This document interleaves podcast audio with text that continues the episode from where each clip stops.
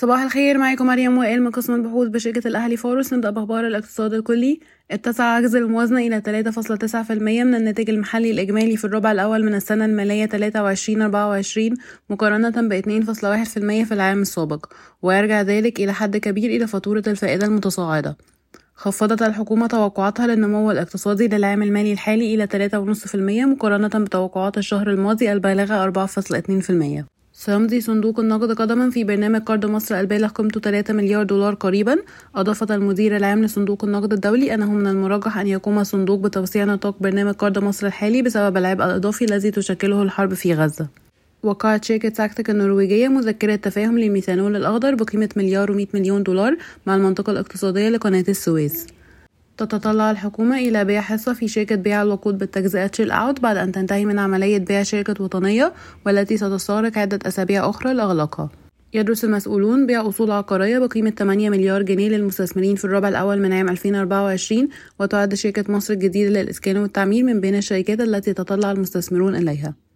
تعتزم الحكومة طرح حصة قدرها 31% في شركة صيد مصر للتنمية السياحية والعقارية للقطاع الخاص وأبدى المستثمرون الدوليون اهتمامهم بالاستحواذ على هذه الحصة.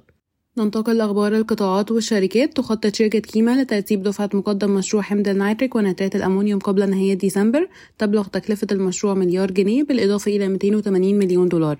تبلغ الدفعة الأولى 20% من مبلغ الجنيه بالإضافة إلى 25% من مبلغ الدولار بحسب ما ذكرت الصحف المحلية.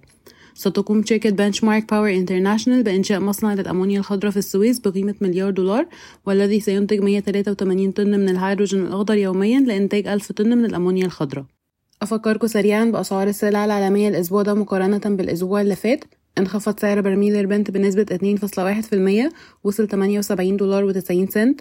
الفرق ما بين الديزل وال heavy fuel oil انخفض بنسبة 9% تقريبا وصل 387 دولار للطن.